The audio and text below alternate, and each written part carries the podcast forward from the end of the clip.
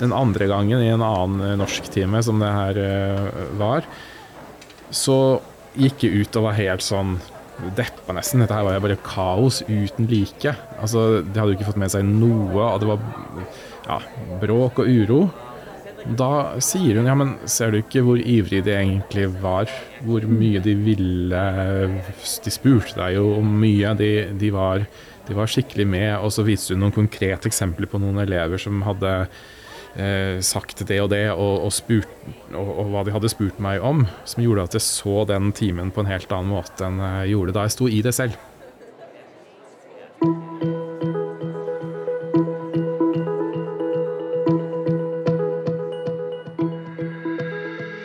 Når klokka ringer inn og læreren lukker døra til klasserommet, så står han eller hun der som oftest helt alene. Med elevene, studentene og med undervisninga si.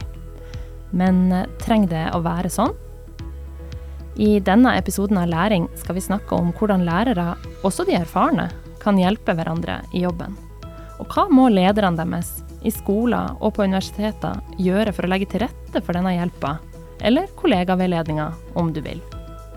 Til å svare på disse spørsmålene og dele sine erfaringer, er vi så heldige å ha med oss lektor Jo Ansnes Skei fra Valle Hovin videregående skole, og professor Linne Wittek fra Institutt for pedagogikk her på Universitetet i Oslo. Jeg heter Marit Eline Lervik Christensen og sier velkommen til læring. Takk. Tusen takk for det. Veldig fint å være her. Dere har begge to undervist i årevis. Du i skolen, jo, og du på universitetet, Line. I tillegg så kan dere begge to over gjennomsnittet mye om hvordan kollegaer kan hjelpe hverandre til å bli bedre undervisere. Hvorfor ble du opptatt av kollegaveiledning, Jo? Um, jeg har alltid undervist på skoler som har hatt mye samarbeid.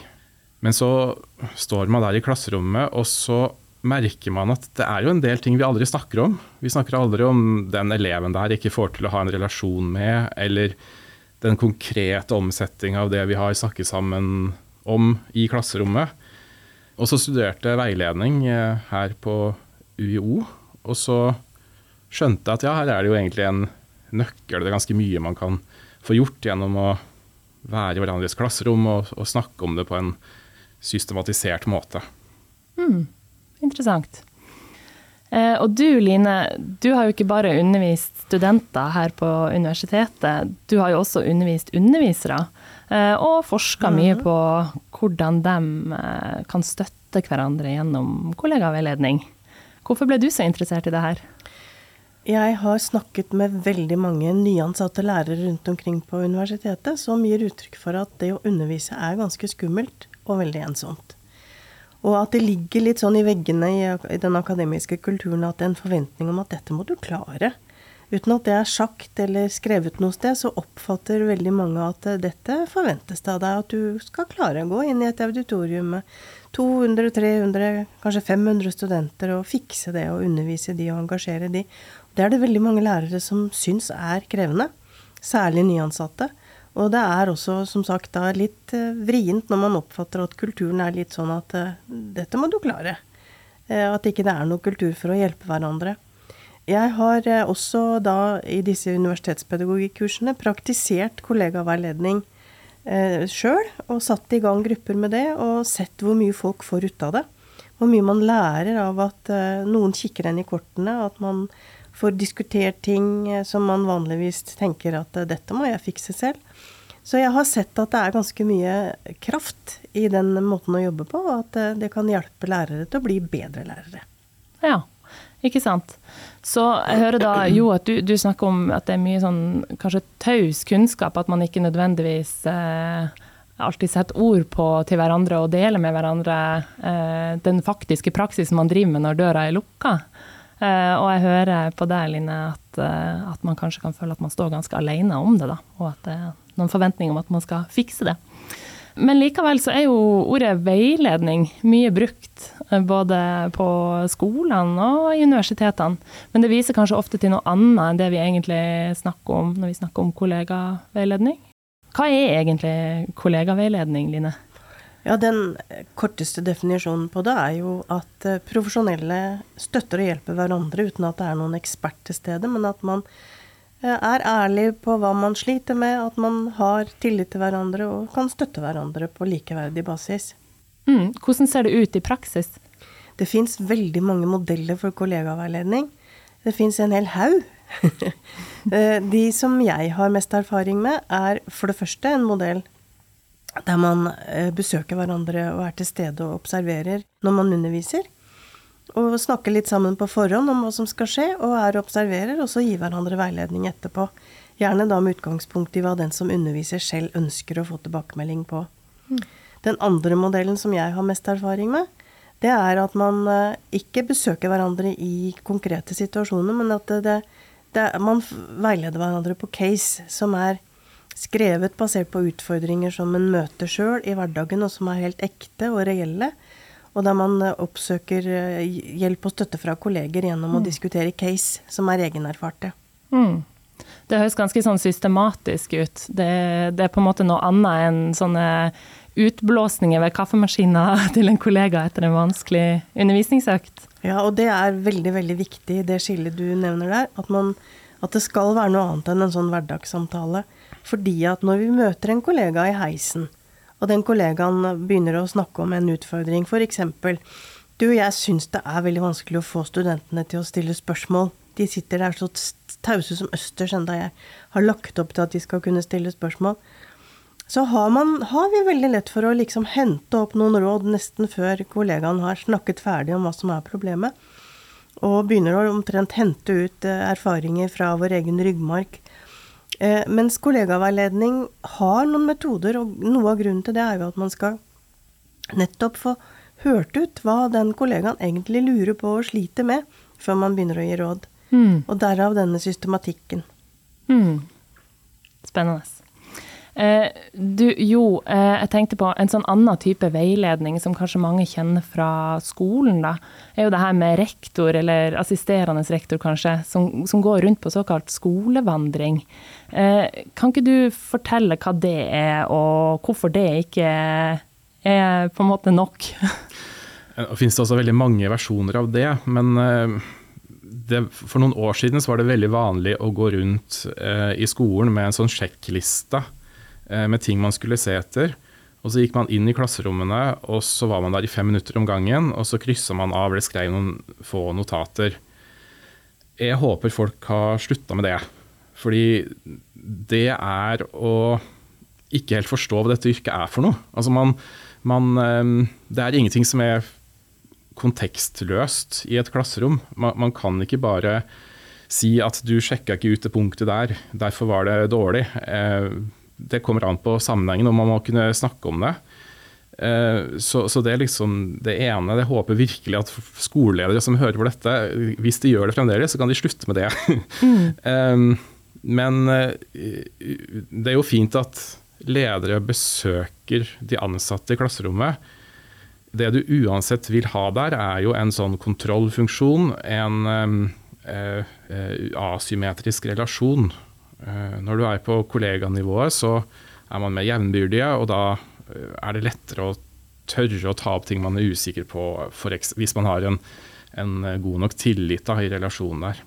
Mm. Ikke sant. Eh, du Line, eh, fordi sånn type skolevandring eller veiledning fra sjefen, som det jo faktisk blir, eh, det kan jo kanskje oppleves litt som vurdering. Og det er du litt opptatt av når det gjelder kollegaveiledning, at det er ikke så lurt at det forveksles med vurdering, er det rett? Det er helt riktig, og det er basert på en review-studie som vi gjorde, eh, jeg og noen kolleger for litt siden, der vi så på internasjonal forskning på dette med kollegaveiledning. Og det er ganske entydig at eh, når man virkelig får utbytte av kollegaveiledning, så er det når det er en sånn Eh, når, når, det er grupper som har eneste formål å hjelpe hverandre og støtte hverandre, og at det er helt fritt for noen form for evaluering, eller at sjefen kommer inn for å se om du egentlig er en god eh, lærer. Og akkurat som Jo sier, så tenker jeg at eh, det er flott at ledere engasjerer seg og kommer på besøk. Men akkurat det med kollegaveiledning, det fungerer best når det er bare til støtte og hjelp. Mm. Mm. Ikke sant. Eh, så vi snakker altså da, for å oppsummere det, så snakker vi om to eller flere nokså jevnbyrdige kollegaer som eh, veileder hverandre for å hjelpe hverandre, ikke for å vurdere hverandre. Eh, og at de kanskje også observerer undervisninga noen gang, ikke alltid. De kan også diskutere en situasjon eller en elevrelasjon, f.eks., som den ene står i. Men eh, la oss nå se for oss eh, ja, en lærer som heter Gry, eh, som hører på denne samtalen. Hun Gry hun jobber på en ungdomsskole der kollegaveiledning egentlig aldri har vært noe tema. Men nå har hun liksom fatta interesse for det her og har lyst til å, å, få i gang det her på skolen sin. Hva tenker dere at hun burde gjøre, og hvor bør hun starte, jo? Det første hun skal gjøre, er å snakke med ledelsen fordi man får ikke til noe hvis ikke de er med og har et system på det. Eh, så skal hun kanskje også snakke med andre i personalet som har veilederstudier, Og med sånne nøkkelgrupper som finnes. Det kan være sånn eh, faggruppenivå mellom ledelsen og de ansatte. Få med dem. Og så skal hun etter hvert insistere på at det må avsettes tid til mm. å få gjennomført det. Um, ja, det er kanskje det aller viktigste stedet å starte. Mm. Ja, ikke sant. Hva tenker du, eh, Line?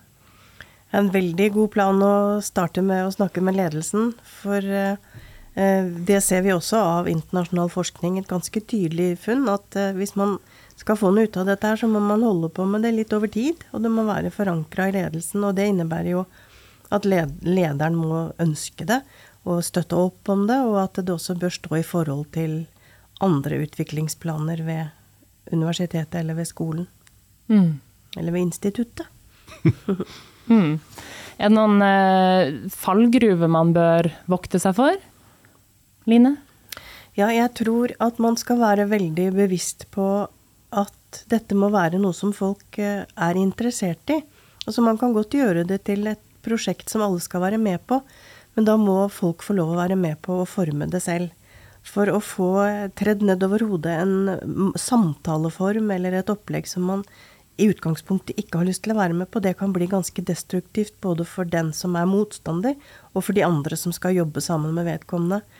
Så det der å, å bruke tid nok på at folk får jobbe på måter som virker meningsfylt og inspirerende for dem, det er eh, veldig, veldig viktig. Så bare å dure i gang med noe som noen andre har tenkt at er smart, det er en fallgruve. Mm. Må, folk må få eierskap til det. Mm. Har du noen sånne helt konkrete, praktiske tips til hva som kan være lurt for at det skal bli vellykka? Ja, jeg har god erfaring med å bruke lang tid på å innføre en modell. Øve på den, gjerne med noen eksperter til stede til å begynne med, sånn at man får tak på modellen og får liksom litt under huden og skjønt hva det går ut på. Og så sette av god tid til at gruppa da kan få snakke seg sammen og gjort seg noen erfaringer på egen hånd, og justert eh, samtaleformen og, og, opplegget sånn at det passer for dem, og at man hele tiden er veldig bevisste på hva er det egentlig vi vil med dette her. Og at hver eneste gruppe som skal sette i gang med noe sånt, får den nødvendige tiden til det.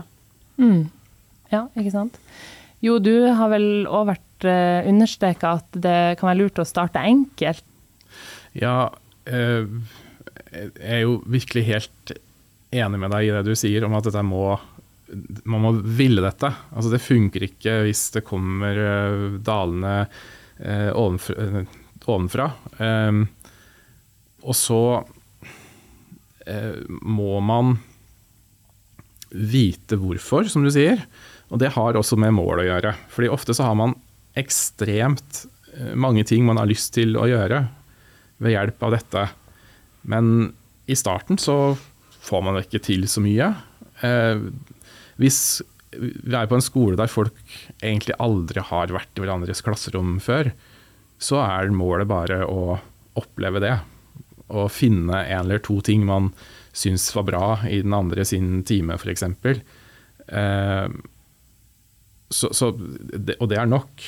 Fordi først, først um, da kan man skjønne hva, hva, dette er for noe, og hva man driver med. Um, og først da kan alle også være med på å forstå ja, det er dette som er målet med det her, og det er det vi skal Når vi snakker sammen nå, så er målet å gjøre hverandre gode, liksom. Uh, ja, så, så konkret som mulig, og så enkelt som mulig. Mm. Og så bør det i tillegg henge sammen med andre ting som gjøres på skolen, sånn at det ikke bare kommer som noe ved siden av som legges til alt det andre, men kan være med å understøtte an andre ting man satser på i skolen, om det er vurdering for læring eller, eller eh, skolemiljø eller hva som helst. Mm. Ja. ja. for det er kanskje litt eh, Det siste du sier der, er kanskje litt viktig for å få med seg skeptikerne i lærerkollegiet òg. For du har vel alltid noen som kanskje vil si at dette er tull å bruke tid på? Ja, og hvis man ikke har brukt tid på forhånd på å forklare hvorfor man gjør det, så vil de lett kunne ta over, vil jeg tro. Eh, og man får ikke til dette før folk har opplevd at det faktisk gir noe. Altså, man må gjøre det på en sånn måte at de får den opplevelsen av at ja, her fikk jeg noe ut av det her. Jeg, jeg lærte noe. Kanskje ikke man ser det helt med en gang, men når det har gått et halvt år, så vil man kanskje se tilbake på det og se at jo, jeg så klasserommet mitt og de elevene på en litt annen måte nå enn jeg gjorde før jeg hadde hatt de samtalene. Så lederne har en jobb der da, i skolen med å på en måte motivere for denne formen? Mm. Mm. Ja, en fallgruve som eh, vi har sett veldig tydelig både i våre praksiser, som jeg har vært med på å lede, og også i annen forskning, det er jo dette med høflighet. Høflighet er jo alltid viktig, og at vi skal oppføre oss eh, ordentlig overfor hverandre. Men, men høflighet kan bli en trussel for å få noe ut av veiledning. En veldig god kollega av meg som heter Gunnar Handal, han har utviklet et begrep, eller snakket veldig mye om et begrep, og det er kritiske venner. Og det er jo på en måte litt selvmotsigende at man både skal være venn og kritiker, men det er akkurat det som ligger i kjernen av dette med å være kolleger som veileder hverandre. At du skal ville den andre vel og gjøre det med den største respekt og det største hjertet, men du skal også rette kritikk. For det er eneste måten man kan lære av hverandre på, det er å tørre å være ærlig og kritisk. Så det med kritisk venn, det syns jeg er et veldig godt begrep å bygge kollegaveiledning rundt. Mm. Og så vet jeg at du også har vært opptatt av at uh, det er ikke nødvendigvis dem som kan hverandre sine fag, som skal veilede hverandre. Det vi ser inn i, i når vi bruker kollegaveiledning i høyere utdanning, er at kollegaveiledningsgrupper som er satt sammen på tvers av disipliner og fag, og gjerne helt, helt ulike disipliner, også at kjemikeren og filosofen og psykologen jobber sammen i en kollegaveiledningsgruppe, Eh, besøke hverandre i undervisningen og gi hverandre tips og råd, da blir fokus veldig mye mer retta mot undervisningen og de didaktiske grepene og pedagogikken i det som foregår. Mens når man jobber sammen med folk som underviser eller forsker innen samme fagfelt, så blir man veldig fort opptatt av eh, teoretiske innganger og begreper og definisjoner. For da, da utløses mye mer sånne nære faglige eh, temaer som de naturlige. Mm. Ikke sant. Så man må liksom, for å klare å ha fokus på formen, så er det lurt å snakke med andre kollegaer enn alle de andre norsklærerne, f.eks. Eller ja. Hvordan i alle dager skal hun Gry eh, og andre eh, få tid til det her, på toppen av en allerede tettpakka arbeidsuke med undervisning, elevsaker, foreldresamarbeid, studentoppfølging, forskning, you name it? Eh, hun skal forlange å få avsatt tid eh, på skolen i fellestid. Det skal ikke være noe som kommer oppå det andre. Eh, man må ta bort noe annet, og så må man gjøre dette i stedet. Hvis ikke så skjer det ikke. Det, da er det et blaff som bare forsvinner. og man får ingenting ut av det. For det kommer alltid et eller annet i veien som gjør at man ikke får gjort det likevel. Så tid, helt avgjørende. Mm. Og på universitetet? Ja, I prinsippet så er det jo akkurat det samme som det Jo beskriver, men vi bruker litt annen terminologi. Og lærere i høyere utdanning vil jo snakke om å få det ført på timeregnskapet sitt. Og i praksis så er det akkurat det samme, men at man får timeuttelling for den innsatsen. Og da vil jo det i praksis innebære at man har mindre undervisningsoppgaver, f.eks. Mm. Så det krever jo ledere eh, som er villige til å prioritere det her, da. Eh, så hvis, eh, hvis, man har en leder som er litt gnien på fellestida eller på timene Eh, på universitetet. Hva, hvordan skal man prøve å overbevise lederen sin om at dette er tingen å gjøre? Ja, det er et veldig godt spørsmål. det. Igjen da, så går det an å se til forskningen, som viser at eh, kulturer der det er, en, eh, der det er eh, høyt framme i bevisstheten til folk å samarbeide og hjelpe og støtte hverandre, lykkes veldig mye bedre med utviklingsarbeid. Eh, og at nyutdanna eller nyansatte som kommer inn i en kultur, og som sosialiseres inn i en arbeidskultur, også eh, veldig fort, mye raskere tar eh, felles målsetninger og gjør til sine egne. Som i høyere utdanning f.eks. vil være å undervise med, med fokus på å, å, gjøre det som gjør at studentene lærer best mulig. At uh, nyansatte i, i akademia som kommer inn i kulturer der det er helt vanlig å hjelpe hverandre og støtte hverandre, tar den typen verdier mye kjappere opp i sin uh, profesjonelle praksis. Mm, så det bygger fellesskap og og i tillegg da bedre undervisning. Ja, ja. rett og slett. Høres jo veldig bra ut. eh, enn du, Jo, hva ville du eh, sagt til rektor? Jeg tror jeg ville jo sagt uh, veldig mye av det samme. Det er en måte å bli mer profesjonell på som, som lærer. Og det er, veld, det er, en del sider ved læreryrket som eh, ennå er veldig skummelt som man eh, ikke snakker om, som man ikke tør å snakke om, for det handler om relasjoner. Og hvis man greier å få en litt mer distanse til det eh, gjennom å gjøre det til et objekt man snakker om, den relasjonen der til den eleven, den funker ikke helt for meg. Kan vi sammen hjelpe hverandre om det, så tror jeg det etter hvert blir eh, lettere å få bukt med sånne problemer også. Og som sagt mer sånn, et, et, mer profesjonelt forhold til det man gjør i denne jobben. Mm. Kan ikke du fortelle om når du sjøl har eh, blitt utsatt for kollegaveiledning? Um, jeg kan nevne to veldig sånn konkrete eksempler. I, begge tilfellene er det jo først en førsamtale der du presenterer en, en time uh, og får kritiske spørsmål til hvordan den ser ut, og hva du kan gjøre, endre på før den. Men i det ene tilfellet så hadde jeg en time som jeg syntes var helt fantastisk. Jeg gikk ut av de timene, og eh, elevene var helt stille, og alt var fint. Og var, jeg syntes det var veldig strukturert. Men så får jeg jo høre av uh, hun som observerer meg, at ja, de der elevene gjorde jo ganske mye annet der egentlig. De fulgte ikke så mye med. De, eh, ja, ting som jeg ikke hadde sett i det hele tatt. Mm. Um, den andre gangen i en annen norsktime som det her uh, var, så gikk jeg ut og var helt sånn deppa nesten. Dette her var jo bare kaos uten like. Altså, de hadde jo ikke fått med seg noe, og det var ja, bråk og uro. Da sier hun ja, men ser du ikke hvor ivrig de egentlig var? Hvor mm. mye de ville De spurte deg jo om mye. De, de, var, de var skikkelig med. Og så viste hun noen konkrete eksempler på noen elever som hadde sagt det og det, og, og, spurt, og, og, hva de hadde spurt meg om, som gjorde at jeg så den timen på en helt annen måte enn jeg gjorde da jeg sto i det selv. Mm. Ja. Hva drar du med deg fra den erfaringa? Ja, det, det, er jo Altså, det hjelper jo meg til å se klasserommet mitt på en annen måte. Og um, også i andre situasjoner når jeg står der, så har jeg jo lært mye av det. Mm. Uh, rett og slett. Ja. Mm. Ja, og det ligner jo veldig på en, en måte vi jobber på her på Universitetet i Oslo. Eh, og eh, det å få et annet blikk på seg sjøl som underviser, det, det, kan åpne øynene veldig. Akkurat sånn som du sier, jo.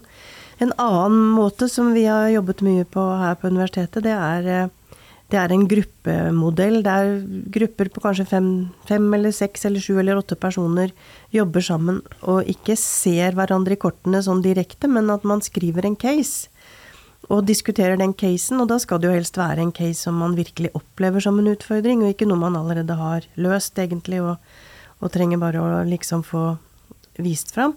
Men, men situasjoner som man står overfor og virkelig trenger noen å diskutere med. Og, og, da har vi brukt en veldig strengt regulerende samtalemodell som er i syv trinn. Og, og, det går i grove trekk ut på at eh, for det første at alle som er med i den gruppen, eh, sier noe etter tur rundt bordet, og at hele tiden så går gangen rundt bordet.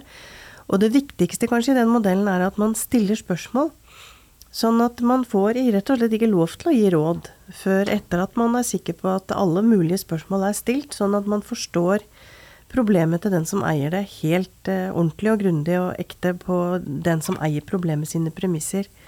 Og de spørsmål og svarrundene der, de kan det komme veldig, veldig mye ut av, er min erfaring. Og det, det hjelper også litt med den derre høflighetstrusselen. Fordi at når man får en slags rolle da, i å være den som skal stille kritiske spørsmål, så er det lettere å få stilt de spørsmålene som gjør at man må gå litt i seg sjøl og være litt ærlig og tørre å vise hva man virkelig er usikker på. Og så, også i den modellen så får man jo anledning til å gi hverandre råd og forslag til konkrete tiltak, men det kommer da etter en samtale på kanskje en time eller halvannen, og da har man virkelig kommet i dybden på problemet. Og det har jeg sett at mange har veldig nytte av, å jobbe med kollegaveiledning på den måten. Mm. Det er ikke noe skudd fra hofta. Det skal liksom være ordentlig man går inn i problemet eh, og ser grundig på det først. Mm. Interessant. Det er sikkert mange som kunne lære mye av det, enten man er i skolen på universitetet eller i helt andre yrker, egentlig. Eh, her er det mye vi kan ta med oss. Eh, hvis vi til slutt skal løfte blikket litt, og se liksom ut av klasserommet, ut av forelesningssalen, eh, så er det jo sånn at vi står midt i rekrutteringskrise krise til læreryrket. Det var altså 40% av studieplassene som sto tom da grunnskolelærerutdanningene starta i høst. Og vi vet at veldig mange med lærerutdanning jobber andre plasser enn i skolen. Mange mener jo at vi derfor burde bygge et større lag eh, rundt læreren for å gjøre yrket mer attraktivt. Men hvis vi nå tenker at vi har dem vi har eh, i skolen, eh, hvilken rolle kan de lærerne som allerede er der, eh, og verktøy som det vi har snakka om her nå, kollegaveiledning, hva kan det liksom spille i denne situasjonen? Tror det i alle fall kan bidra til at eh, lærerne føler seg mindre alene, eh, også om de vanskelige tingene som jo vil oppstå når man står i et klasserom. Og hvis man gjennom sånne ting som det her kan bygge trygge lærere, så er det vel ingenting som er bedre enn en det. Mm. Ja, jeg tror jo at eh, det er akkurat som Jo sier, at vi kan bruke kollegaveiledning til å bygge sterk kollegialitet. Men å bygge sterk kollegialitet, det tror jeg handler om veldig mye mer. Men dette kan være ett av flere virkemidler. Og lederen tror jeg er helt sentral i å bruke alle mulige gode virkemidler for å skape sterke, gode kolleger, der folk tør å vise sårbarhet og, og, spørre om det man virkelig lurer på. Og da må man ha tillit. Tillit er helt avgjørende for at dette skal kunne fungere i det hele tatt. Og det er jo et stort spørsmål hvordan man bygger et kollegialt fellesskap med tillit, men det er et kjempeviktig spørsmål. Kanskje det aller viktigste. Mm. Og tillit må man ha til hverandre for å trives på jobben. Og ville bli, kanskje. Tusen takk for at uh, dere kom uh, til læring og bidro med verktøy til verktøykassa. Line Wittek fra Institutt for pedagogikk her på Universitetet i Oslo. Og Jo Ansnes Skei fra Valle Hovin videregående skole. Likte du det du hørte? Tips en venn eller kollega, og abonner gjerne på Læring der du hører podkast. Produsenter for podkasten er Monica Bjermeland og Shane Colvin. Jeg heter Marit Eline Lervik Christensen og sier takk til deg for at du hørte på.